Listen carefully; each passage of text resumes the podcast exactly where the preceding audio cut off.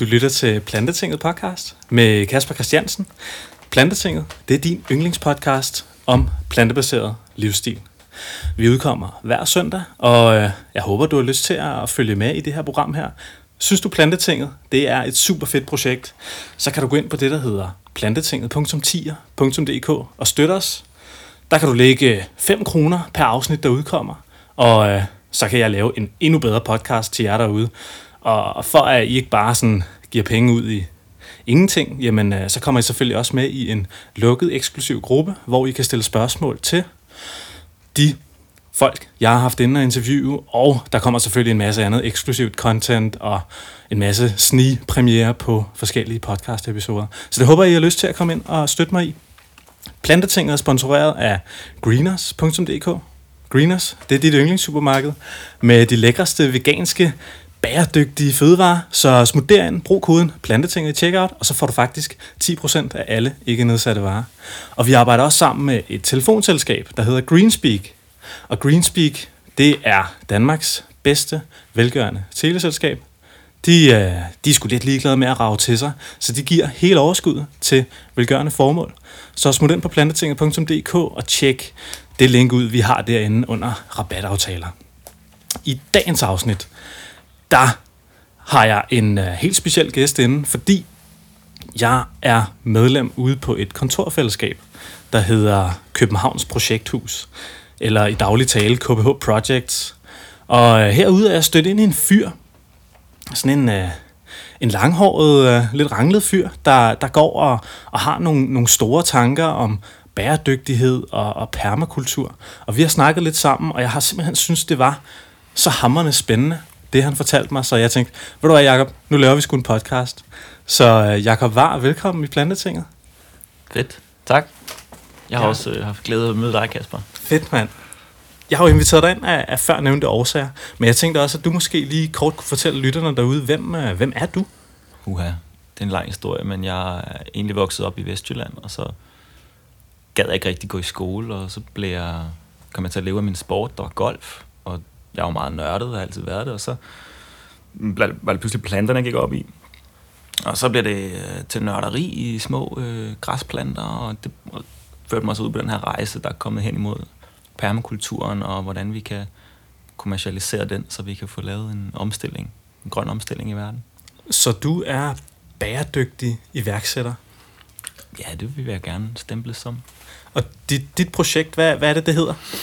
Altså, øh, jeg laver en virksomhed, der hedder eGrow, og øh, meget kort fortalt, så det vi gør er at lave skove øh, ved at bruge permakulturens principper til at tage de her områder, som er i fare for at blive desertified, altså blive til ørken, øh, og de lokale bønder der, nu, bønder, der nu bor i det område, underviser vi så i, hvordan de skal opbygge skove og, og lave produkter i de skove som vi så kan afsætte på det europæiske eller vestlige marked. Ikke?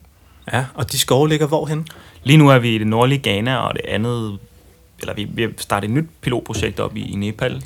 Det går lidt langsomt, og kulturen er lidt, min, lidt, lidt mindre spontan og lidt mere konservativ op på toppen af bjergene. Og så nede i det nordlige Ghana, der har vi så de første, hvad er vi, 100, 112 øh, bondefamilier, hvis vi kalder det på det, i otte forskellige landsbyer, som, øh, som vi har fået startet op her de løse sidste hvad er det, to år. Ja, når man går ind på eGros hjemmeside, mm. så står der uh, Making Profit from Sustainability.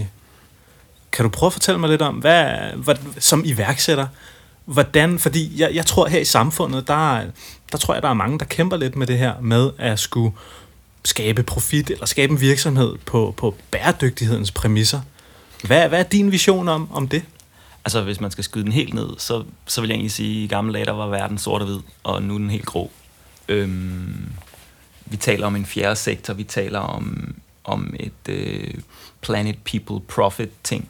Men, men i virkeligheden, så min største vision med det her, eller det fedeste kunne være, hvis vi en dag havde et, et, et børsnoteret selskab, som kunne banke Nestlé og Procter Gamble i, i profit og i vækst, øhm, men producere hver eneste råvare, fra en, øh, en permakulturskov. Og, og det vil jo i virkeligheden være, hvad skal man sige, det ultimative for, for, for både for den økonomiske stabilitet i verden, men, men, men også for sådan ligesom, produc- ikke producenten, men, men for konsumeren, at være i stand til at købe produkter, som hele tiden er, er baseret på en, en non-profit tankegang, men, men, men skaber mere og mere udvikling i de områder, hvor, hvor fødevaren kommer fra, hvis vi taler om fødevare. Det kan også være, at det er snørebånd til dine sko eller noget andet, vi producerer uden skov. Ikke? Mm-hmm. Hvad, hvad, altså, hvad kan man producere ude i en skov? Nu tænker jeg for eksempel her i Danmark. Ikke? Altså, du, øh, du kører en lille tur ud på landet, og så er der bare marker derude af. Ikke? Altså, jeg, havde, jeg snakkede med en anden podcastgæst, der hed Live, og han kaldte det for kornørkner. Ja. Kan du prøve at fortælle mig lidt om, hvad, øh, hvordan pokker, altså skove, vi har jo skove i Danmark, men, men du vil simpelthen have skov i stedet for marker, eller hvordan skal jeg forstå det her? Øh, ja, altså hvis, hvis vi, vi kornørknerne er, er sådan et udtryk for, at vi bruger noget, der hedder monokultur. Altså vi prøver på at intensificere vores landbrug øhm, og sætte øh, korn, øh, hvad skal man sige, kornstråene, øh, kornplanterne så tæt på hinanden som overhovedet muligt og få maks mulig hvede ud af hver kvadratmeter. Øhm, men, men i det lange løb, så, så holder den metode kun i 20-30 år øh, med den højintense landbrug, hvis vi har en god mineralsk jord, som nogle steder i Danmark. Hvis man diversificerer det lidt og skaber noget poly- polykultur, vil man så kalde det, øhm, så går man over i en metode, der, der minder lidt om, om skovbrug. Og så kunne man jo forestille sig, at man i et skovbrug både har produceret, øhm, lad os tage noget helt banalt, som, som, som juletræer, eller, eller man, bruger noget, man laver noget tømmer ind i skoven, og den skov kan måske også bruges til, hvis man går lidt ud af det ekstrem, så kan den bruges til dambrug, og man kan få fiskeri ind. Øhm, så der, der, er sådan en, der er sådan en hel række ting, man kunne lave på det samme stykke jord. Øhm, og, og hvis man sådan kigger på det i, i e-growth kontekst, så handler det om, at vi i bunden af skoven har nogle jordnødder, og så har vi nogle banantræer, som ikke må være for høje, de er sådan 2-3 meter høje, og nogle papayaer. Øhm, og så har vi et endnu højere niveau, hvor vi, hvor vi er oppe i kokosnødder, måske helt op i 12 meter. Så har man nogle forskellige lag, og de lag, de står så i rækker, ligesom vi, vi har i vores, vores kornørkner, men, men det er ikke længere et spørgsmål om en ørken, fordi du har en masse skygge og en masse insekter og en masse regnorm, der lever nede i jorden, og, og du har bygget et helt økosystem op med, med, med, med vilde blomster, som tiltrækker insekterne på forskellige tidspunkter året efter, alt efter hvornår de blomstrer. Øhm, og du har designet naturen, og du designer den også efter solen, så at sige, så du laver den ligesom fra øst til vest. Så de, de højeste træer står bagerst i, i rækkerne, sådan så at du får en masse sol ned til de forreste. Det er ligesom nogle af principperne i permakulturen.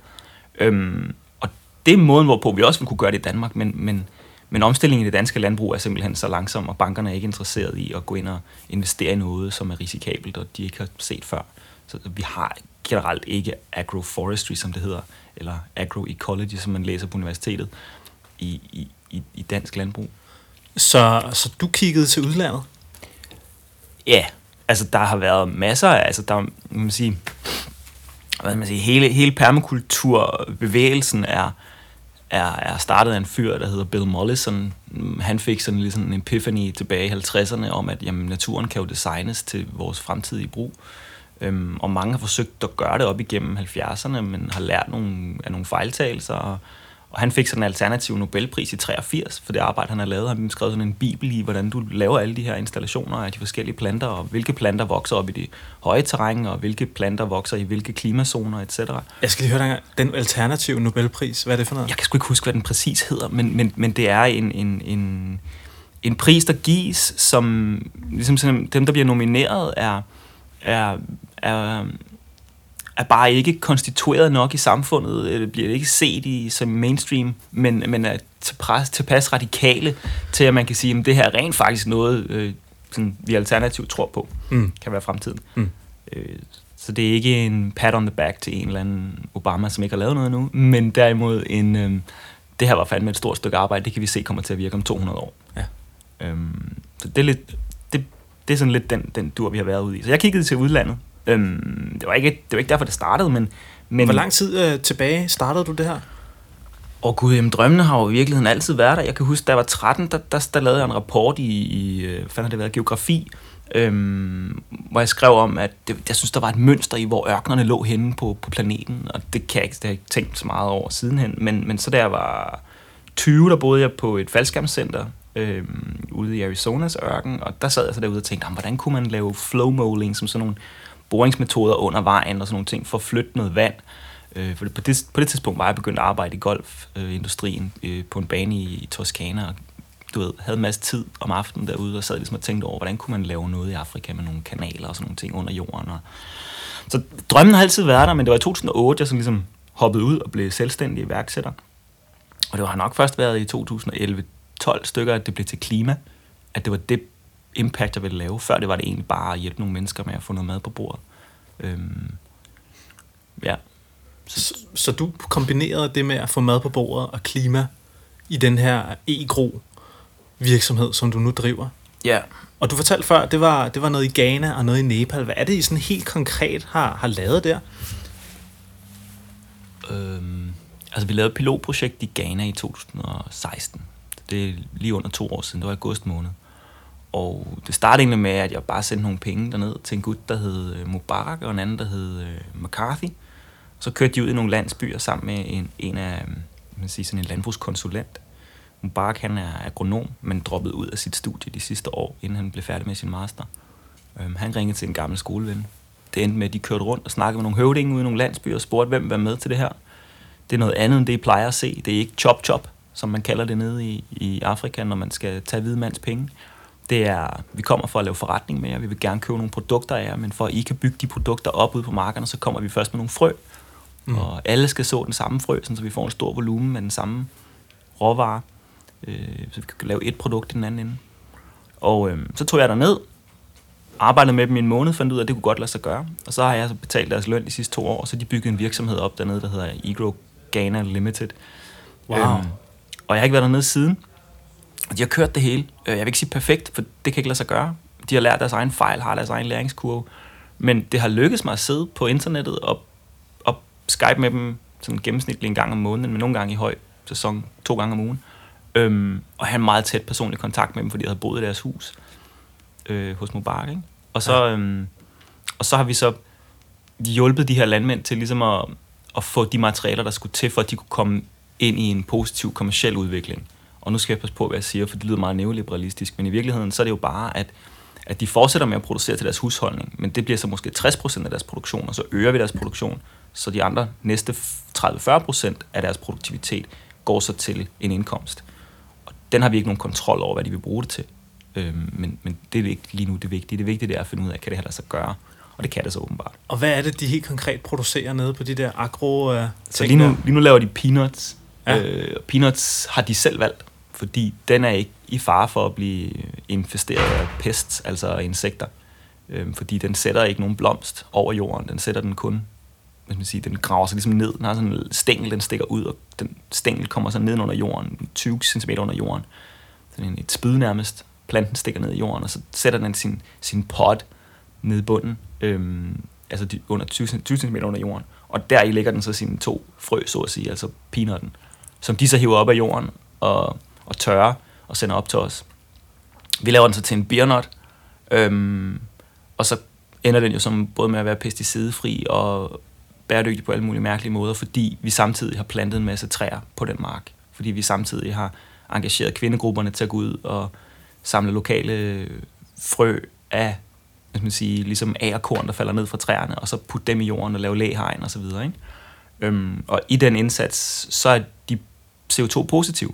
Så det vil sige, hvis ikke vi kunne, øhm, hvis ikke vi kunne lave den investering, hvis ikke vi kunne tjene penge på peanutten, så ville vi heller ikke kunne opbygge skoven og dermed får vi en positivitet, eller en, en positiv cyklus ud af peanutten. Så når du spiser en peanut, så er du faktisk bidrager til, at vi får hivet CO2 ud af jorden og puttet det ned i jorden. Eller ud af atmosfæren, undskyld. Mm. Vildt. Så det er sådan den store visionære plan, der er et eller andet sted. Hvis vi kan finde nok områder og nok bønder, så er vi i stand til ikke, ikke nødvendigvis at, at vende klimaforandringerne om lige nu, men i hvert fald at mitigere, at de fortsætter i stor ekstrem grad. Hvis alle landmænd i verden gjorde det her, Øhm, hvad de bliver på et eller andet tidspunkt, et eller andet, på et eller andet tidspunkt bliver de tvunget til at, at lægge deres landbrug om, fordi de løber tør for, for grundvand, og, og, og regnvandsmængderne falder de helt forkerte steder i øjeblikket, så det kan ikke lade sig gøre andet, end at de skal lægge om. Okay. Så den her peanut produktion, eller birnot produktion, I har kørende nede i Ghana nu, Er det, sådan, er det så udelukkende, altså sådan som jeg forstår den vision, du fortæller mig, så øh, altså, prøv ikke at producere flere ting end peanuts på de, der, på de arealer der, eller hvordan? Nej, altså... Øhm, vi, vil, vi vil så diversificere lige så vel, som man ville skulle gøre herhjemme. Lige nu har vi sat mangoer og cashew og faktisk også citrontræer i jorden, hvilket ikke kommercielt er set i den nordlige Ghana før. Det er sådan helt den forkerte klimazone, så vi tager lidt en chance der. Ja, vi er nødt til at bevise, at det kan lade sig gøre, fordi citron er noget, som man forstår heroppe. Ikke fordi man ikke forstår cashew og, og mango, men vi skal ligesom bevise over for industrien, at det kan lade sig gøre. Og så har vi sat akacietræer, som er nitrogenfixerende, så det bliver sådan et, et øh, vi kalder det, på engelsk kalder vi det nursery tree, eller på dansk et ammetræ. Det vil sige, at den står og leverer makronæringsstoffer, i det her tilfælde kvælstof, øhm, til de omkringliggende træer igennem rodnettet. Øhm, og, det samme med peanutten. Den er også en, en nitrogenfixerende plante. Den er i familie med, med ærte- og bønneplanten. Mm. Det er faktisk ikke en nød, hvilket er lidt åndssvagt. Så, så i stedet for at, at dræne jorden for næringsstoffer, så tænker du meget i at, at give jorden næringsstoffer, eller hvordan skal jeg forstå det? For jeg synes tit, jeg hører det her med, at oh, men dansk landbrugsjord er bare hammer udpint, og det medfører, at de fødevarer, vi spiser, de er ikke specielt næringstætte eller næringsrige, fordi de bliver dyrket i udpint jord. Men det er også rigtigt. Altså, du kan jo ikke længere få en, en høj proteinindhold i din, i din korn, og derfor er kornet rigtig dårlig kvalitet i Danmark, fordi du ikke må tilføre nok øh, kvælstof til jorden. Mm. Så derfor tuder landmændene, og det er jo klart, at, at hvis, ikke, hvis ikke de kan være stolte af den jord, de ejer, og det produkt, de leverer, mm, så har de jo ikke nogen grund til at rende rundt og være landmænd. Altså, Klart. så, så det er helt rigtigt, at, at der er en, øh, men, men du har jo både sandede jorder, og du har også fede jorder i Danmark. Der er bare en, en ulighed imellem, hvem der tjener hvad, og al reguleringen er jo ens. Mm. Men, men det handler om at tilføre næring til jorden, og det er sådan meget, det bedste eksempel, jeg kan give, det er, det er det, vi kalder for en mineralsk akkumulator. Meget specifikt ord, ikke? Men altså, det er, det er en plante, som, som er i stand til at optage en hel masse mangan og, og magnesium og kover og jern og boron og alle de her mikronæringsstoffer, du kender fra det periodiske system. Det er den i stand til at optage i sine rødder, og når så den putter det så at sige op, i, op igennem planten, op i, øh, op i, i, i bladene, så, så bliver det til løvfald. Og når det bliver til løvfald, så bliver det de øverste topsoil, altså de første 10-30 cm af jorden, de bliver pludselig fuld af næring. Fordi når det så regner, så, så leacher, eller vasker de her næringsstoffer lige så stille ned i det lag, som de andre planter vokser i. Så hvis du gør det guldrødderne til at vokse, så er du nødt til at sætte en anden række af, en, af, en, af planter ved siden af. Det kunne så for eksempel være en hamp, øh, eller det kunne være en, en, en comfrey, øh, altså, som jeg tror er noget bregnefamilie, men, men der er nogle forskellige planter, du så sætter i, som ikke er producerende. Du, det, du kan ikke nødvendigvis lave noget godt ud af den comfrey plante. Det er bare, den hedder øh, kulsukker på dansk, så kom lige i tanke om. Øhm, det, den vokser ude i, i, i nåleskoven i Rusland, øhm, og, og den sætter du så ind i dit system. Og den skal ikke producere noget, den skal bare være en mineralsk akkumulator, så du hele tiden har en god jord. Og det er den modsatte filosofi af den her intensive landbrug. Det vil sige, at du får ikke et højt intensivt landbrug, men du får faktisk et lige så højt output. Og på det lange løb, så får du så både en sund jord og en klimasikret afgrøde, fordi den både har adgang til en masse næring øhm, og en masse vand, fordi du har fyldt jorden med, med kulstof, som holder på fugten. Øhm, al den her CO2, vi trækker ud af, af luften, bliver jo til O2 op igen, og så bliver C'et, karbonen, bliver bundet ned i jorden i form af regnorme og gamle rødder og bænkebider og nematoder og alle de forskellige dyrerige, dyreriger, som vi slet ikke kan se, som er helt mikroskopiske. To tredjedel af den, af den øh, kulstof, der er i træ, den er under jorden og ikke Mm. over jorden. Og den er det i symbioser med, med en frygtelig masse svampehyfer og en frygtelig masse bakteriekultur. Mm. Øhm, og det, det, der man skal forstå, det er i virkeligheden, at vi skal have genopbygget jordens, altså jordens liv, så at sige. Det, altså, altså, du, tænker du på planeten Jorden? eller Nej, jeg på tænker landbrugsjorden? på landbrugsjordens liv. Altså den, det, der skal være måger bag ved trakterne igen, fordi nu, nu er de løbet tør for regnorm. Nu, nu, nu er de holdt op med at flyve bag trakterne, for der er ikke noget at spise. Altså, vi, vi har fået et steril laboratorie, og det er den der ørken, vi taler om. Og der skal vi have vendt den om, og det er sådan, det er den, hvad man sige, den, den pesticidfri landbrug er med til i en vis grad, fordi man tilfører nogle blomsterblandinger, som så er med til at regenerere jorden. Det er de her mineralske akkumulatorer, vi taler om. Men du er også nødt til at binde en masse carbon i jorden. Du er nødt til at have nogle, du er nødt til at have noget, der holder på fugten, og du er nødt til at have noget, som inviterer liv til at bo i din jord. Mm. Øhm, det er det, der skal til for, at du får udveksling af næringsstofferne fra jorden til planten. Hvis ikke de bliver omsat organisk, så hænger de bare fast i kolloiderne, hedder det. Det, det er de her sandpartikler, som binder, øh, som er, som er negativt ladet, og så, som binder de positive atomer.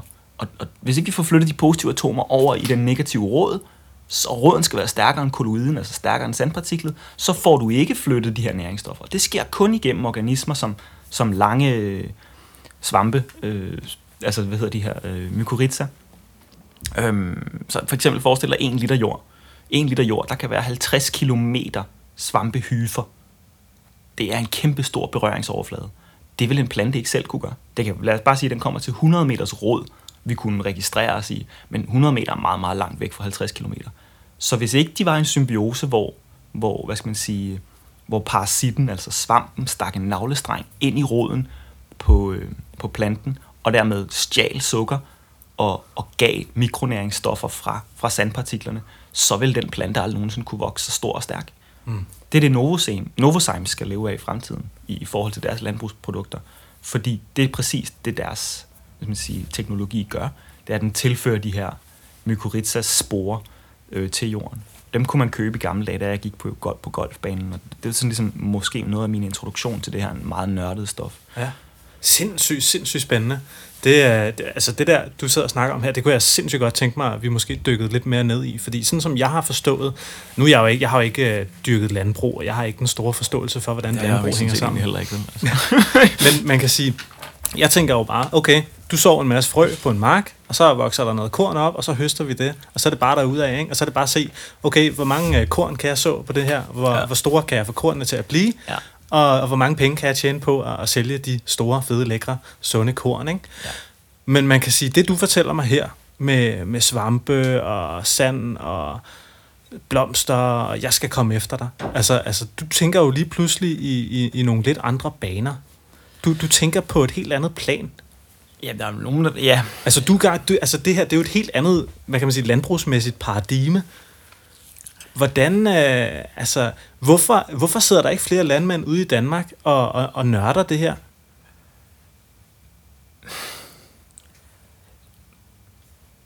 Altså, puha, puh, det er sgu svært at forklare dig, fordi at jeg, jeg kan kun øh, gætte, så at sige, hvorfor landmænd ikke tænker på den måde. Men, men landmænd er jo typisk risikoadverse. De vil jo ikke tænke i omstilling. De vil tænke i, hvad virker lige nu, og hvordan kan jeg bruge den metode, jeg altid har brugt. Det vil i hvert fald vil man, være min, min, min oprindelige tanke. Men jeg kender også 10-20 procent af de landmænd, jeg kender, de jo, de tænker jo, når vi får randzoner, så tænker de, jamen så bruger vi de randzoner til noget. Så sætter vi sgu nogle træer, der suger alt næringen, som ellers vil løbe ned i åløbet. Og det vil vi gerne have lov til at gøre. Og så kommer man fra EU's side, og så siger man, jamen, øh, nej, men vi måler øh, EU-støtten på satellitmålinger, så hvis I sætter noget, øh, noget hvad hedder det, noget, noget træ i randzonerne, som skal suge alle de næringsstoffer, så, øh, så, så kan I ikke få vores EU-støtte. Så der er sådan nogle helt forkerte ting, der foregår. Jeg kan ikke fortælle hvorfor landmænd ikke omlægger så hurtigt, andet end jeg kan sige, at vi har, jeg tror det er 38 eller 39 landbrugsforeninger, som sidder som mellemled mellem landmanden og banken, og rådgiver landmanden i, hvad for nogle forskellige afgrøder han skal vælge hvilke år, så han får en rotation i sine marker. Øh, to års hvede, og et års øh, byg, og så et års øh, raps for eksempel. Ikke? Det er sådan en meget typisk blanding. Og, og, og så, så, så går landmanden i banken sammen med sin landbrugsrådgiver for Landbrugsforeningen og siger til, til, til bankmanden, prøv at høre, vi har lavet den her plan for de næste seks år, vil du give penge til det? Og, og i virkeligheden, så er det jo, så er det jo landbruget, der, der sådan, eller landbruget, det er ikke landbruget, det er bankerne, der bestemmer, det er bankrådgiveren, som sidder med, med landbrugsporteføljen, der, der bestemmer, hvordan landbruget skal styres. Og lige nu, der laver finansiel stabilitet, nu kobler jeg en helt anden sted hen, men fuck det.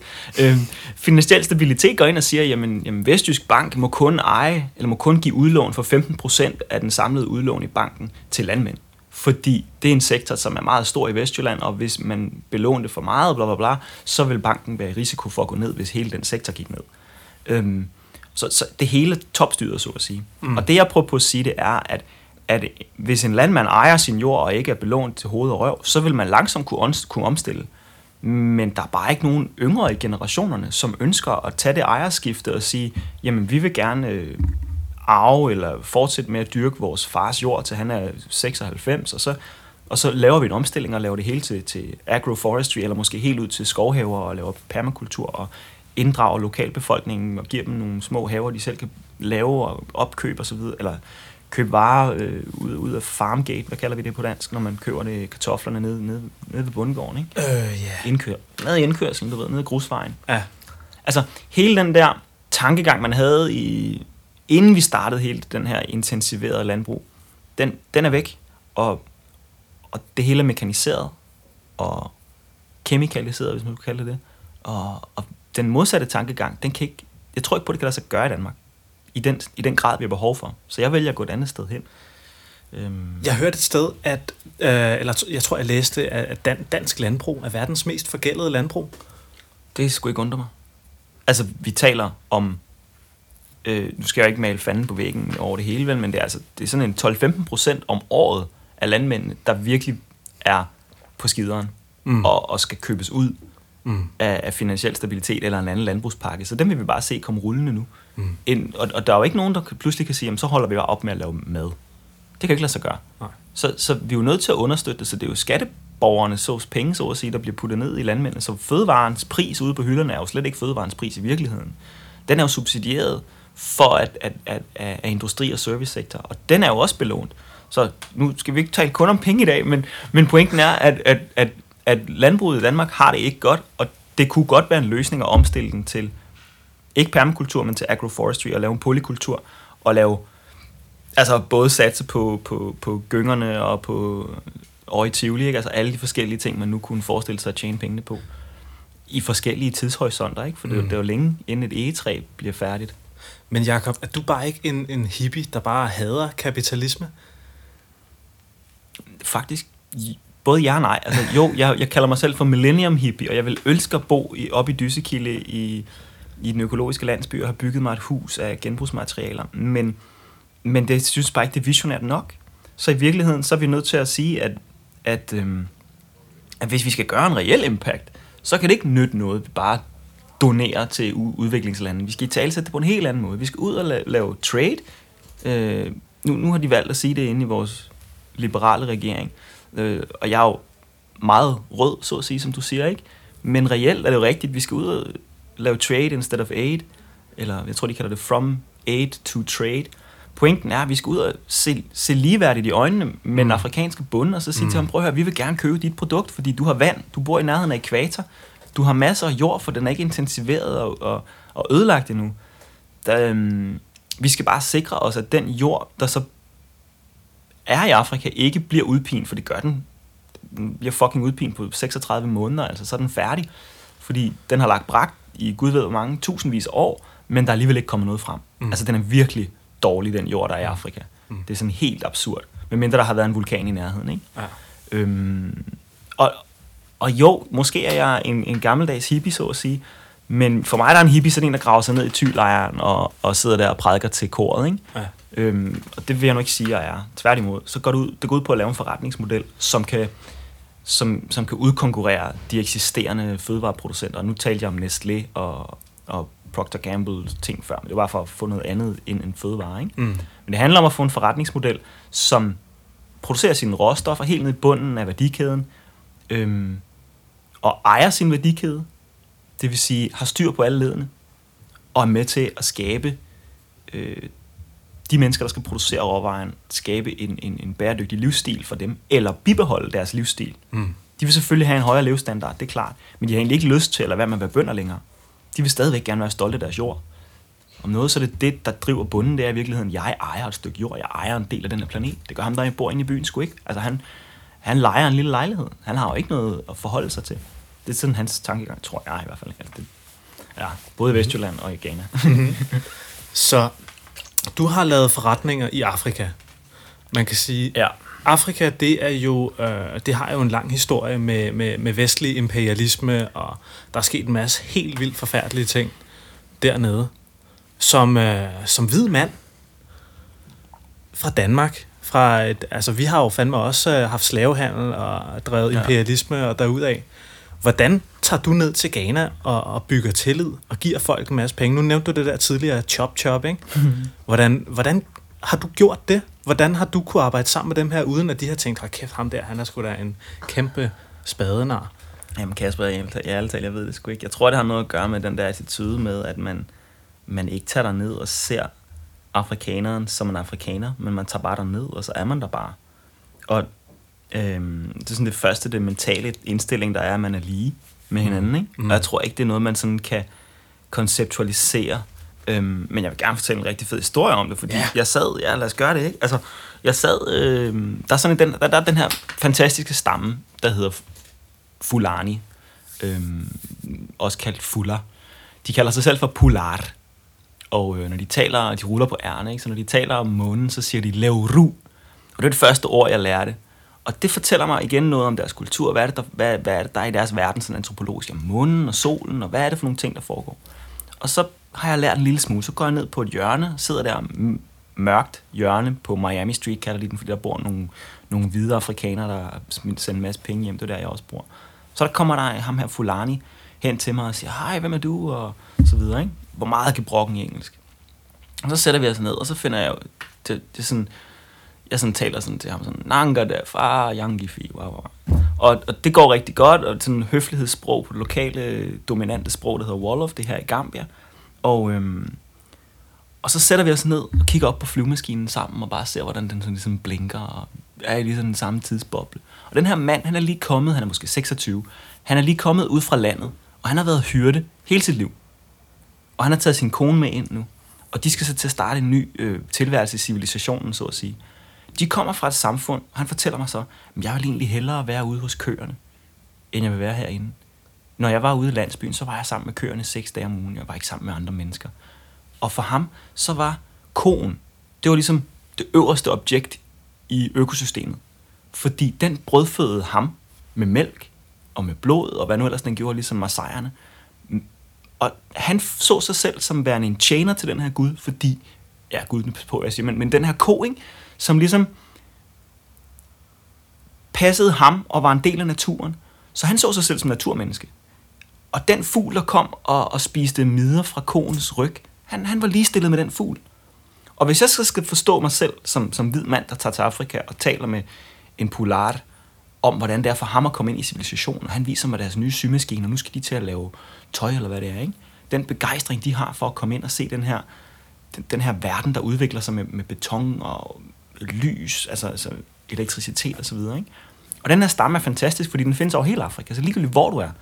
Så når jeg peger op og siger Leuru, om jeg er i Ghana eller Gambia, så bliver de helt blege i ansigtet, hvis man kan blive det. Ikke? Fordi de er sådan, what, der er en, der kommer der og taler mit sprog, en hvid mand, what?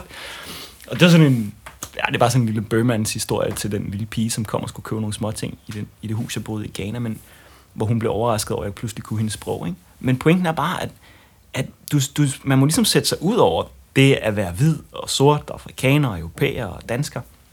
Og så tager jeg ned, og så forventer jeg dem, at jamen, når jeg siger til dig, at du skal gøre det her, så leverer du også. Hvis ikke du leverer, så er det sgu ikke dig, jeg skal arbejde sammen med. Og det er du nødt til at have som forretningsmand, eller som hvidmand, eller som, eller som Jakob eller, eller Mubarak. Hvis ikke vi har det forhold og den tillid, så kan det ikke blive til noget.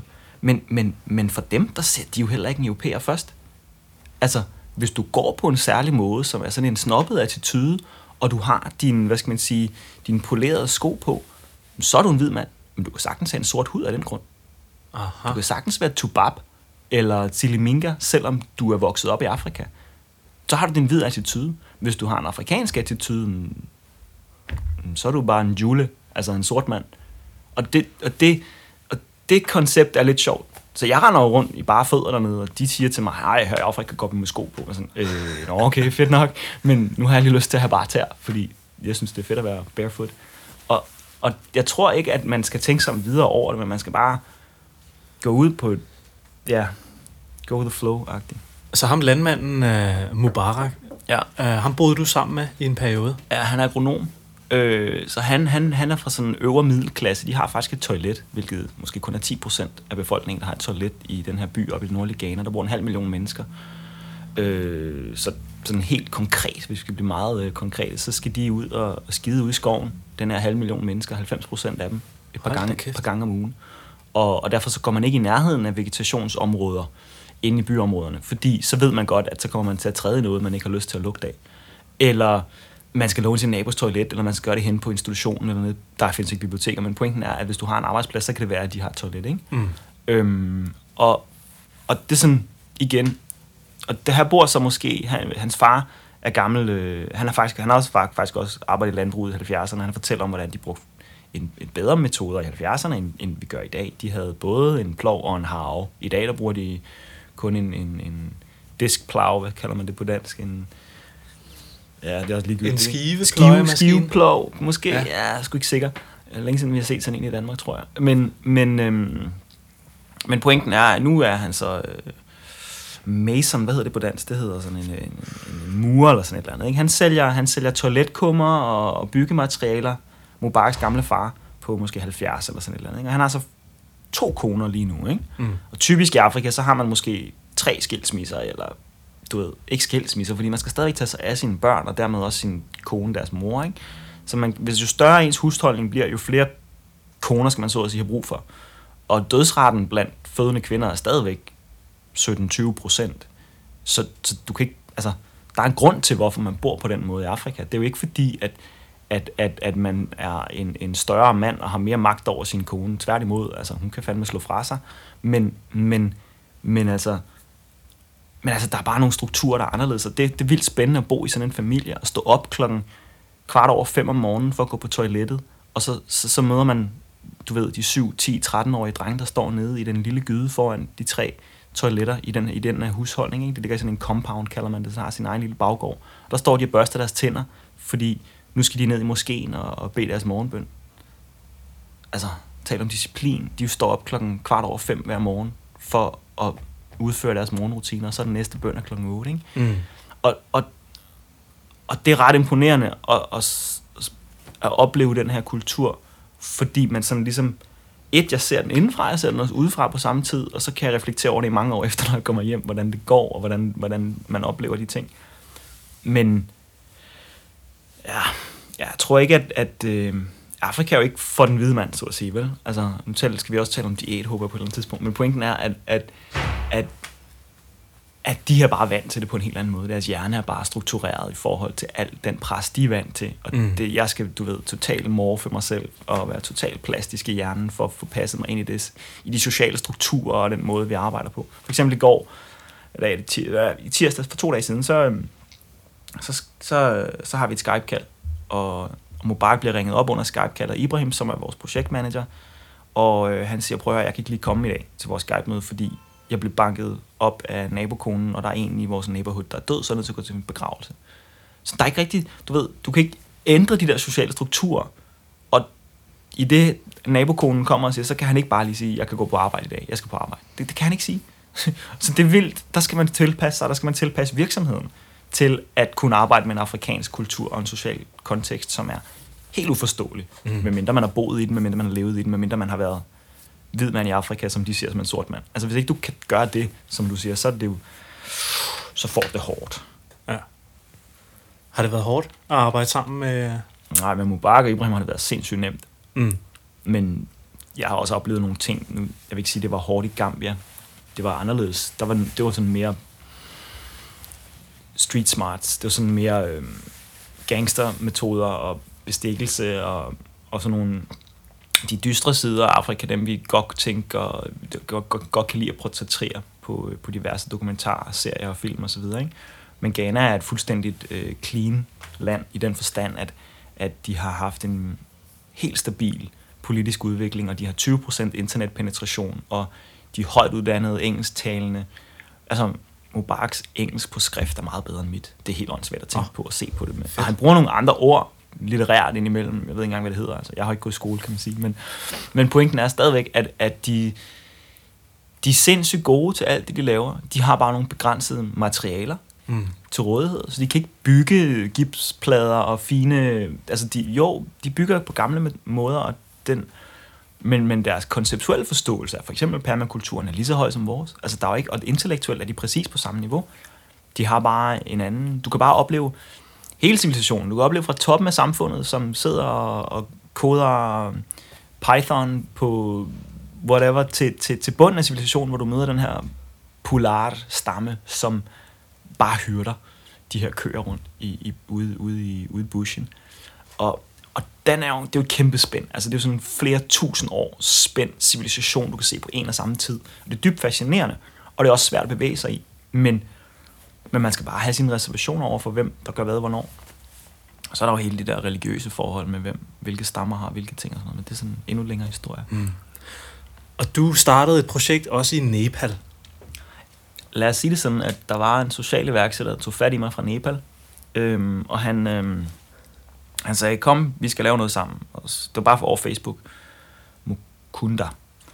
Og så havde jeg en partner på det tidspunkt, der hed Dominik, og han valgte at tage dig ud og være på et øh, børnehjem i noget frivillighed i seks uger, og mødte sig med Mukunda, og, og sagde, kom tilbage og sagde, at Mukunda han var plattenslærer, der bare gerne ville have nogle Danita-penge. Øhm, og så på et tidspunkt, eller lige da Mukunda havde skrevet, der havde jeg tog fat i en her på, på KBH, øh, det her projekthus, hvor vi er i dag. Øhm, her har jeg fået noget træning i, hvordan det er at være en del af det danske arbejdsmarked, øh, af en af vores projektgrupper, der hedder Novum. Og Krishna blev så en god ven, og jeg gav ham så et par tusind kroner senere hen i 13, for ligesom at undersøge, hvad foregår der i Nepal. Og nu er Krishna ligesom fundet sig tilpas på arbejdsmarkedet og fundet ud af, at han vil gerne være selvstændig. Han prøvede noget sidste år med noget iværksætteri, noget med noget cashmere, noget pashmina import, og prøvede at finde nogle netbutikker, der ville lade ud for ham, og hans leverandør i Nepal var ikke så gode til at levere det, de skulle levere, og det gik ikke så godt, men nu prøver han igen, og så tænker han Igro, han var hjemme her for to uger siden, i Budwal, som er den fjerde største by i Nepal, og, øhm, og nu vil han gerne lave noget landbrug, for han har fundet ud af, jamen for helvede, vi har jo en masse jord derhjemme, det var, hvorfor har jeg ikke tænkt over det noget før? Så nu er vi ligesom på vej ind i Nepal. Øhm, det er ikke fordi, vi har rejst penge til det nu, og det er ikke fordi, vi har lagt en plan, men vi har ligesom sådan struktureret nogle faser. Hvad skal vi igennem for at få det her til at fungere over de næste 10 år? Og det skal ikke gå stærkere. Altså, det kan godt, det kan godt blæses op i en eller anden øh, ballon, og så kan man, så siger den pop lige pludselig. Men, men, øhm, men vi gør det med, med, med, med Krishnas hastighed. Fordi ligesom det er Ibrahim som Mubaraks virksomhed i Ghana, for det er sgu ikke min. Mm. Altså, det er ligesom, de har deres udviklingsfase nu, ligesom min bedstefar havde, da han kom ud efter krigen og skulle bygge sin øh, minkfarm op, og så skulle han bygge pelseri op, så skulle han bygge en indleveringscentral for Copenhagen Fur op. Og de tre skridt, så at sige, industrielt, han gik igennem, den skal Mubarak og Ibrahim og hele deres generation også igennem. Og det kan vi ikke bare speede op. Vi kan give dem materialerne, vi kan give dem Arduino-bordet, vi kan give dem Raspberry Pi, vi kan give dem kodningssproget til computeren, vi kan give dem internettet osv., ikke? Men vi kan ikke give dem den kulturelle læring, vi har haft. Vi kan ikke gøre det hurtigere eller bedre. Men hvis vi sikrer os, at de forstår de konceptuelle ting, såsom permakulturen eller agroforestry, så kan de starte et sted, hvor de kan tage udgangspunkt i de materialer, de har, hvilket vi måske i det her tilfælde vil sige jord og vand fra mit udgangspunkt. Og så kan de, øhm, så kan de arbejde med det. Og de har lavet deres fejl, og de har haft deres læringer, og vi har tabt nogle penge hister her. Og det er, hvad det er, fordi det er nødt til at være på den måde. Det kan ikke være anderledes. Mm. Så du går lige nu og, og skal rejse nogle penge? Uha, ja. Hvad, hvordan, øh, hvordan skal det ske? Øhm, altså det her så hippien kommer ind, ikke? fordi jeg er også på min læringskurve, og min læringskurve det er at finde ud af, hvordan rejser man penge godt. Det lærte jeg lidt til start op Born, sådan et gammelt projekt, der lå, og vi har kørt det nogle år. Og det er sådan noget, man går ud og finder nogle sponsorer. Det her er noget helt andet. Det her det med, at du har 100% af en virksomhed, og så stykker du lige så stille 1% ud af gangen. Og lige nu har vi værdiansat virksomheden til en værdi af 5 millioner kroner. Hvis man er hurtig, så kommer man med. Men man skal også kunne levere noget. Så de gamle partnere køber sig ind i virksomheden. Øhm, nye investorer kommer ind og låner os 100.000 kroner, og så lover vi dem at betale de 100.000 kroner tilbage over en horisont på syv år, fordi så er vores cashew og mangoer begyndt at komme i produktion, og vi kan se, hvor langt vi er kommet. Øhm, vi giver dem en 5% rente. Det er meget bedre end den negative rente nede i banken, for eksempel. Ikke? Så det er sådan lidt alternativ til en pensions opsparing? Vil du kunne diversificere din portefølje og sige, om jeg vil egentlig gerne investere i noget startup, eller jeg vil egentlig gerne investere i noget bæredygtigt klimastartup? Øhm, og, og der vil du så kunne købe en lille procent, eller give os et lån. Øhm, man kunne vælge at sige, det er høj risiko, men man kan også vælge at sige, at man investerer i Jakob, og Jakob han laver det her resten af sit liv. Og der er ikke nogen sandsynlighed for, at han efter, hvad han har lavet de sidste 10 år, at han i virkeligheden begynder at omstille sig til pludselig bliver en del af arbejdsmarkedet, eller, eller noget andet. Ikke? Mm. Så det er sådan ligesom både en investering i mig, og det er meget tillidsbaseret, og det er meget family, friends and fools, kalder man det, men i virkeligheden så er det risk takers, ikke? altså mm. folk, som er villige til at sige, det her, det er så spændende, og jeg har lige præcis de der seks tal, 1, 0, 0, 0, 0, 0, der står på min bankkonto, og jeg ikke ved, hvad jeg skal bruge til. Og dem vil jeg egentlig hellere sætte ind i en virksomhed som det her, og føle, at jeg gør en forskel og følge med i det, end at jeg vil sætte mig ind i fem forskellige øh, aktiemarkeder i C20 eller i aktie selskaber i C20-indekset. Mm. Og det, det, det, det er nok dem, jeg i virkeligheden skal appellere til i fremtiden lige så stille. Dem kalder vi så business angels, men jeg skal selv ud og skabe dem. Fordi de eksisterende business angels, de har deres metoder, og de er sgu ikke vant til at investere i klima. Øhm, eller i, i noget hippieagtigt, ikke? Så det, ja, det er sgu lidt svært. Jeg, lige, mm. jeg regner lige på det i går, det er, når jeg skal ud og rejse 230.000 på de næste 10 uger. Ikke? Mm. Nu sidder vi her i midt juni og optager det her. Så jeg skal, være, jeg skal have fundet de penge i august, ikke? og det, skal, mm. det er sgu lidt spændende. Wow, mand. Jeg håber, at, uh, at vi kan hjælpe lidt med det. Nu bliver du jo eksponeret for nogle mennesker her i Plantetinget. Woohoo! Så, uh, så Jacob, hvis, uh, hvis der er nogen, der gerne vil, vil rejse nogle penge sammen med dig, og Egro, hvordan, uh, ja, hvor, hvor kan de finde dig hen? Altså det nemmeste er egro eller egro.dk.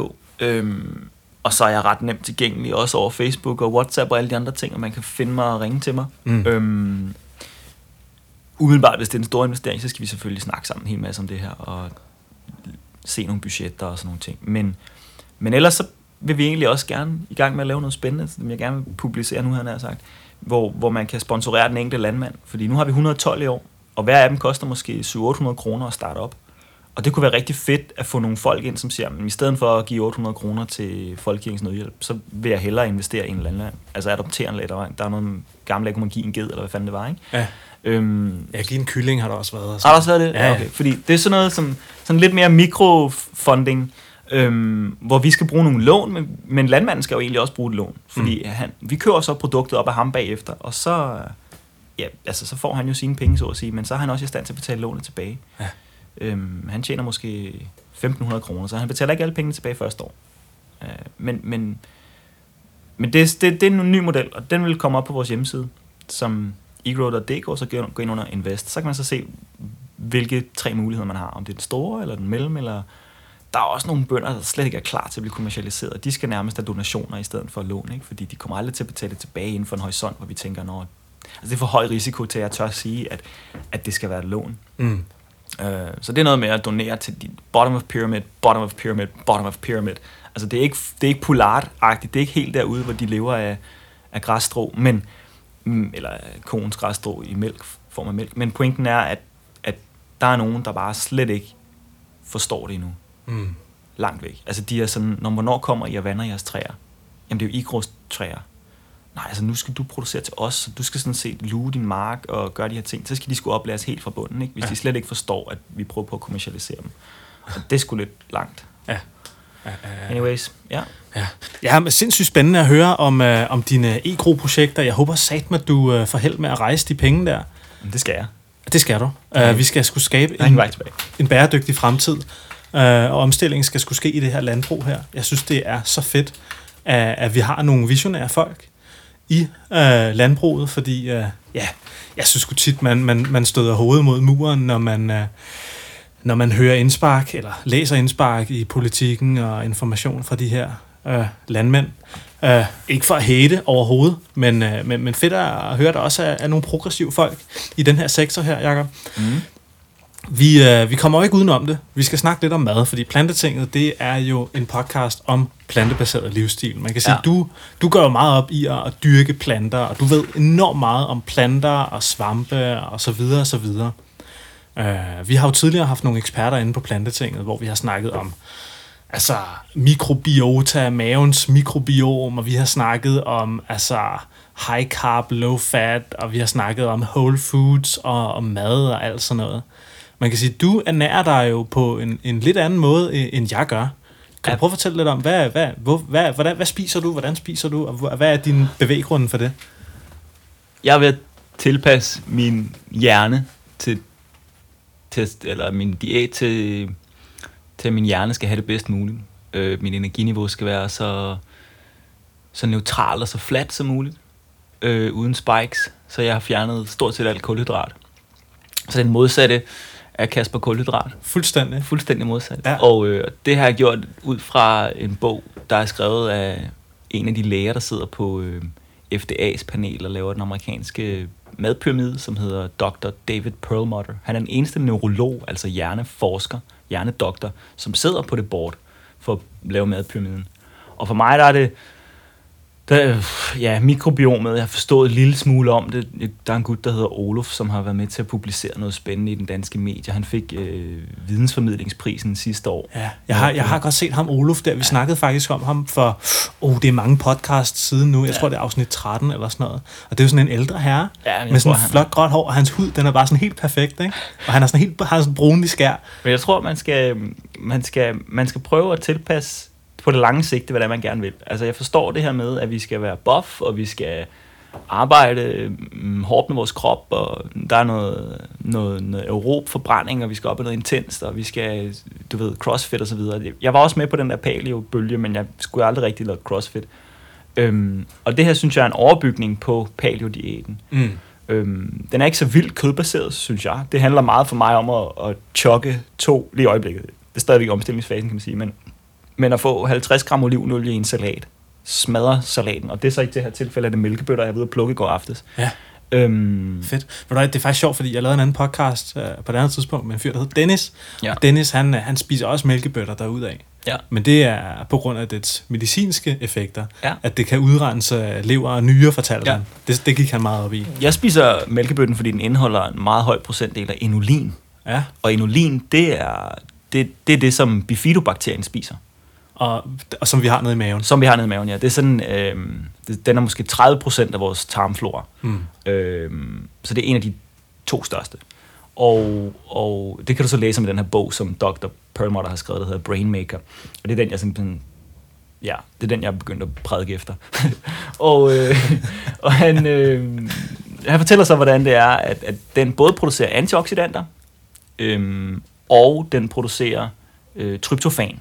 Ja. Og tryptofan er sådan, hovedingrediensen i serotonin. Mm. Og serotoninen er stoffet i hjernen til at sende signaler fra det ene hjernecelle, fra den ene neuron til den anden. Mm. Hvis ikke du har nok serotonin, og hvis ikke du har et afbalanceret niveau af serotonin, mm, så får du depression. Mm. Og, og det vil sige, hvis du ikke har bifidobakterien i maven, så skal du have den igennem noget ABC-kultur ned fra køledisken, eller du skal have det ned fra health, øh, hvad hedder det, butikken, ikke? Og, eller fra din kimchi, eller whatever not, ikke? Men, men du skal også have noget fødevare. Mm. Til, den skal have noget at leve af, den her bifidobakterie, for at kunne producere tryptofan og dermed serotonin. Øhm, og det er så inulinen, og den kommer så fra mælkebøtten, det er den billigste. Så er der jordskokken, så er der løget, så er der øh, hvidløget osv. Så, videre. så jeg prøver hele tiden på at bygge nogle, nogle, øh, nogle opskrifter op, nogle, nogle hele, nogle gode aftensmadder, nogle gode salater til frokost og, og en god morgenmad, der er baseret på de her kostfibre som inulin, Mm. som så giver bifidobakterien den have. For så tror jeg på, at jeg ikke kommer til at få depression resten af mit liv. Og jeg tror rent faktisk også på, at jeg kommer til at være, hvad skal man sige, ikke psykotisk, fordi det næste, der så sker, det er, at serotoninen og hele den her række, der hedder bifido, måske er det i virkeligheden inulin, bifido, øh, tryptofan, serotonin. Det næste skridt, det er melatonin. Ja. Og melatoninen, det, det er dit søvn øh, hormon, så at sige. Ikke? Mm. Og, øhm, og, og det, kan du, det kan kun produceres, hvis du har tilstrækkeligt med serotonin. Så du er nødt til at have serotonin for at kunne sove om natten. Mm. Du er nødt til at have melatoninen. Øhm, og, og, og jeg tror virkelig på søvn, hvis man skal sige på den måde. Jamen, det gør jeg også. Jeg tror virkelig på, at du, du skal sove, til din krop fortæller dig, at nu skal du stå op. Ja. Og, og det skal man gøre så ofte, at man på et tidspunkt kommer ind i en rytme, hvor kroppen siger til dig, jamen jeg har, jeg har sovet nu. Altså, der er godt, det er godt nok kun gået syv timer, men nu har jeg altså sovet. Nu skal du stoppe, Jacob. Nå, okay, så er jeg frisk, ikke? Og det er rart at opleve nogle gange, at man kommer til den fase. Men typisk så er det jo ikke det, jeg har oplevet i mit liv. Altså typisk har jeg oplevet, at vi overhovedet ikke har fået sovet igennem. Og det tror jeg simpelthen er, fordi vi har, fordi vi har manglet bifido.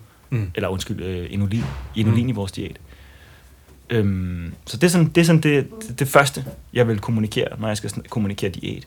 Ja. Og der handler det reelt bare om at læse den fucking bog, altså. Ja, ja, ja. Jeg vil også gerne lave nogle tegnefilm om, hvordan det virker og sådan noget. Men, Ja, ja. men reelt er det det, det handler om. Inulin, Spændende. inulin, inulin. Spændende, spændende, spændende. Altså, jeg, jeg abonnerer helt sikkert på, øh, på, på det, du siger der. Øh, jeg tror, jeg prøver at få min tryptofan fra bananer. Og så ved jeg, at der er faktisk øh, melatonin i kirsebær. Jeg bor lige ved siden af sådan en gang, øh, stor gang kirsebærplantage. Ikke plantage, men en masse kirsebærtræer. Mm. Der er fandme melatonin i kirsebær.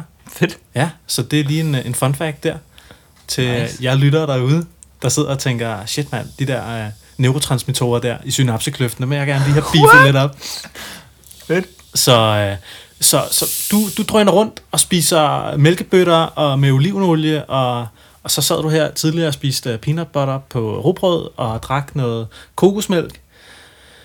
Og øh, ja, det er jo øh, det, det er sgu meget grineren. Hvordan, øh, hvor lang tid har du gjort det her? Det er en lang historie, Kasper, og de der 47 minutter er gået nu, eller 55 er vi på. Men, Ja, ja. men jeg startede med at finde ud af, at jeg havde et problem med mit blodsukker i 2005. Mm. Øhm, Michael Rasmussen og Bjørn Ries, de gik sukkerkold op ad Mont Ventoux, og jeg var sådan, ah, okay, der er noget, der hedder insulin. Okay, der er noget med noget blodsukker der. Og så pludselig fandt jeg ud af, at det sgu nok, det der er mit problem. Jeg går sådan hele tiden og er lidt, uh, crasher lidt en gang imellem, måske lige lidt væk fra verden, og, og så skal jeg lige sove i 16 timer, og der er et eller andet, der er galt. Mm. Men jeg kunne aldrig definere, hvad det var. Mm. Øh, og så fik jeg sagt i spøj til min onkel, jeg tror sgu, jeg har det modsatte af diabetes. Jeg tror sgu, jeg producerer for meget insulin. Og så havde jeg et crash en dag, og så tog jeg til lægen, og så beskrev jeg mine symptomer, og så sagde hun, jamen du har hypoglykemi. Men det er sådan noget, vi alle sammen får en gang, men du skal bare spise lidt anderledes. Så gik jeg ind i det, og så fandt jeg faktisk ud af, at der er en ret stor del af befolkningen, der har det, jeg har. Måske mm. lige så stor en del af befolkningen, som, som har diabetes. Mm. Men der findes ikke lige en magisk kur af en lille insulinpind, du kan tage. Fordi du overproducerer insulin, og du har det modsatte af den konventionelle diabetes. Men den er kun, den går kun i gang, så at sige, den her insulinproduktion, når du konsumerer det forkerte. Det vil sige sukker, raffinerede øh, kornprodukter, altså raffinerede kulhydrater, og øh, nikotin og alkohol og, og hvad ellers du har øh, af de her fa- fantastiske ting, der stimulerer dig, koffein, tein og alle de her ting, som du nu får som stimulanter. Ikke? Øhm, så jeg gik over på en whole, whole meal, altså en fuldkornsdiæt i 2005, sådan en kold tyrker. Og der gik otte måneder, før jeg var uden abstinens, altså uden cravings efter sukker, hvor jeg kunne gå i et supermarked uden at tænke, åh, oh, jeg skal ud, jeg skal ud, jeg skal ud, jeg skal ud. Ja. Øhm, og, og det var sådan min første nye dimension af, af, af, af, nu vidste jeg, at der havde jeg fundet nøglen til livet, så at sige. Jeg kunne pludselig holde op med at sove 16 timer, uforudsigeligt, hvornår jeg skulle sove 16 timer, bare gå i koma, ikke? Mm. Øhm, og det næste var så, at så kunne jeg sådan rent faktisk også forudsige, når mandag morgen, der er jeg klar, fordi jeg ved jo bare, at jeg skal spise ordentligt lørdag og søndag, så er jeg klar mandag morgen. Mm. Mm. Mm. Det havde jeg aldrig kunnet før. Sygt. Så jeg har aldrig, jeg har aldrig kunne have haft et arbejde. Så i 2006 fik jeg mit første reelle arbejde, hvor jeg sådan var lønmodtager. Før det havde jeg bare arbejdet på minkfarmen derhjemme, hvor der var, det var familien, du ved, sådan, nå okay, det var vintersæson, og så var jeg lidt i Italien og arbejdede der på, en- på en golfbane, og tingene var sådan lidt hippie, flydende, vagabund. Jeg var golfbums, ikke? Ja. Øhm, så fik jeg et rigtigt arbejde. Og, og så byggede jeg lidt oven på den diæt, hvis man skal sige det på den måde, øh, med den første paleo, jeg prøvede at lave i 2014, hvor jeg fandt ud af, at det kan godt være, det slet ikke er kulhydraterne, der er det vigtige. Det kan være, at jeg i virkeligheden finder endnu mere ro, hvis jeg går ned kun og spiser linser og går væk fra viden, væk fra kornet, væk fra alle kornprodukter. Og, og det hjalp usandsynligt meget. Det var sådan den anden dimension. Og det her er altså for mig den tredje dimension nu med, den, med keto-diæten, med, med de to bøtter kokosmælk og de 50 gram olivenolie om dagen, og så har jeg kul, øh, hvad hedder det, kilojoules, jeg skal bruge, og så og en masse inulin, og, og så mikronæringsstofferne og antioxidanterne fra gurkemejeroden, jeg putter i min, øh, hvad hedder det, i min kokosmælk og så videre. Ikke? Ja. Så der, det var sådan ligesom kort fortalt den, den, den, den historie om, hvor jeg kom fra. Spændende. Spændende, spændende. Så, så hvad, lad mig lige høre en gang. Hvad, hvad spiser du på sådan en dag? Øhm, jeg vil helst stå op og spise et, et par æg, men jeg vil gerne øh, spise dem oven på spinat, og lave nærmest sådan en omelet. Få noget bladgrønt ind om morgenen også. Mm. Det er sådan, når jeg har bedst overskud, så at sige. Så vil jeg gerne have noget frokost, som så for eksempel kunne være en, en, en mælkebøttesalat, eller bare lige for ikke at spise spinat igen, agtigt. og så en masse olivenolie der til frokost. Jeg vil helst kun have et måltid kulhydrat om dagen, fordi kulhydraterne bygger sig op i de lange øh, glykogenkæder, øh, kæder, som så holder i rigtig lang tid. Så reelt vil jeg måske sige, at jeg er kulhydratforbrændende 4-6 timer i døgnet, og så 18-20 timer i døgnet er jeg fedtforbrændende. Og den, øh, kalder man det, ketogen, tror jeg, det er, den ketogenforbrænding, den skal man lige tilpasse sig og indstille sig på. Og det tager sådan lige 10-14 dage, hvor man har skåret kulhydraterne ned. Så i starten skar jeg dem ned til måske 10-15 gram om dagen. Og nu er jeg måske op på 30-60 gram kulhydrat om dagen. Og det kommer så i kraft af mine kulhydrater på mit paleobrød. Øhm, og jeg ved nogen der kalder det paleo, men Mm. det hedder paleontologi, så jeg er sådan lidt... Nå. men, øhm, men det er så kulhydraterne igennem peanut butteren, og så er der måske nogle string beans, hvad hedder det på dansk, haricots, øh, grønne lange bønner, something, Ja. om aftenen i et aftenmåltid. Ja. Men man, fra, fra mit udgangspunkt, så skal man lade være med at have kulhydrater hele døgnet rundt, fordi så kommer man ikke ind i at tilpasse sig den helt flade, rare fornemmelse af at være på fedtforbrænding. For når du er der i det der anaerobe, så producerer mange, mange, mange, mange færre øh, frie radikaler. Øhm, det har noget at gøre med elektronerne i den yderste, øh, hvad hedder det, kerne. Øhm, så, så, ja, nej, det er en lang historie, ikke? Men, men ja, det, det er sådan, så spiser jeg noget om aftenen, der måske kunne være et kyllingebryst, og det må gerne være det fede. Mm. Mm. Det fede kyllingebryst. Mm. Øhm, nej, det, det er jo ikke så et bryst, det er jo så et lov, overlov. Øh, og nu lever jeg også lidt på en sten, og det skal jeg til at lave nogle foredrag om, sådan nogle til, hvordan du lever på en sten. Men det er det der med mælkebøtterne, og, og måske leve for 30 kroner om dagen, eller sådan et eller andet, så du kommer op på en diæt på 900 kroner Ja. om måneden, ikke? Ja. Og, øhm, og det er sådan noget med at finde ud af, hvordan, hvor meget, hvor meget ingefær, hvor meget gurkemejerod, hvor mange øh, mælkebøtter, og hvad koster hvad hvor, og så skal du til at gå på kompromis lige pludselig med dyrevelfærd og alle mulige andre ting, og jeg er ikke veganer, og jeg kommer sgu heller nok aldrig til at være det, at sådan, jeg voksede op på en fucking minkfarm, altså det er sgu lidt svært for mig at, at, at, at relatere til. Øhm, og, og, og så har jeg en endnu større agenda, der er klimaet. Så Mm. nu har jeg jo fundet ud af, hvordan jeg kan lave mig nogle, nogle kokosdrikke, som ikke er på kakao og, og kaffe, som, som den der bullet, man, man chokker ned i paleo-diæten er mm, om morgenen, men øhm, mens derimod er på gurkemejerod og på citron, så er den smagen sådan lidt thai-agtigt. Jeg tror, det næste det skal være noget med noget limeblad, der skal med, et eller andet. Mm. Og det er så en morgendrink i stedet for morgenteen. Det er ligesom til at væk, vågne op på. Mm. Øhm, ja. Så, men, det var for at sige, at kaffen og, og kakaoen, den, den er jo, det er jo de værste klimasønder, der findes. Så det er man sådan lidt ked af at få at vide derude på den anden Ja. ja. side af det her podcast. Men Vi har det jo, desværre. altså, Danmark, det er jo en kaffedrikkende nation uden lige. Det er jo hele Vesten, vi har der, ikke? Ja. Det er bare, de er bare på kaffe. Men bare rulle, der er ikke flere kaffeplanter om 5-10 år. Så. Og hvad så med kakaoen? Den har det samme problem. Nå. Der, er, der, bliver ikke, der bliver ikke lavet nok plantager i forhold til, hvor meget der kons, konsumen stiger, han har sagt. Så Men, øh, det er virkelig, det er sådan på højde med bomuld, altså hvor vi, hvor vi taler om, det er sådan 20.000 liter vand per kilo kaffe, og per kilo chokolade eller kakao. ja, det er også noget, det er der noget svineri. Det er absolut noget svineri. Ja. Ja. Og det er så Sao Paulo, der løber tør for vand, eller Istanbul, eller hvad nu det bliver det næste. Ikke? Shit, mand. Det er, det er sgu interessant. Jeg er heller ikke selv øh, kaffedrikker, men øh, jeg spiser nu kakao nu og da. Men det er da altid godt at vide, at det er en klimasynder. Så bare gå efter den, den der... Øhm, Fairtrade-banditten. nej, altså bare gå efter noget spontant indimellem. Du Mm. ved, sådan hver tredje måned kan du nyde den helt rigtige kaffe efter det helt rigtige måltid. Nu Mm. boede jeg i Italien, så er det jo dobbelt espresso, du skulle have, og så skulle der jo lidt sukker i, og så... Men, men bare for ikke at drikke kaffe hver dag, det jo også noget pjat, at vi skulle rende rundt på stimulanter alle sammen. Det var sådan mm. Mhm. en agenda, man kunne... Enig. Helt enig. God pointe. Den, øh, den tror jeg, jeg lige så stille vil, vil lukke podcastet ned med. Fedt. Ikke, øh, ikke være så afhængig af de der skide stimulanser der. Kaffe, koffein. Jeg skal komme efter dig. Nå, men øh, Jakob, jeg laver et link inde på plantetinget.dk, hvor folk de kan finde dig. Men kan du lige kort også lige remse det op? Hvor, hvor kan folk komme i kontakt med dig henne?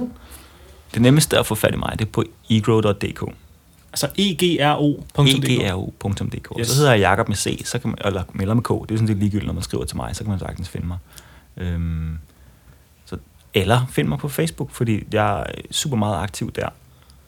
Jeg har en gammel Nokia-telefon, Fedt. som man også kan ringe til, Så men jeg skal ikke øh, have Messenger på smartphones osv. Det er Okay. helt. Helt sikkert, mand. Øh, Jakob, tusind tak, fordi du vil være med og, og snakke lidt om øh, permakultur og landbrug og samarbejdsudfordringer i Afrika og, og Nepal og, og, Og gud ved hvad. og low carb. Det er Ja. sgu fedt. Altså, super svedigt. Jeg synes, det er et frisk pus til, til podcasten. Lidt anderledes. Super spændende. Ja. Tusind tak. Selv tak, Kasper. Og du lyttede til Plantetinget podcast, som er din yndlingspodcast om plantebaseret livsstil. Husk, du kan støtte os, så vi kan lave en endnu bedre podcast inde på plantetinget.10.dk. Og så kommer du selvfølgelig med i den eksklusive gruppe, hvor du også kan stille spørgsmål til Jakob efter podcastens afslutning. Så jeg håber, at du får en rigtig dejlig dag. Kan du have det godt? Hej.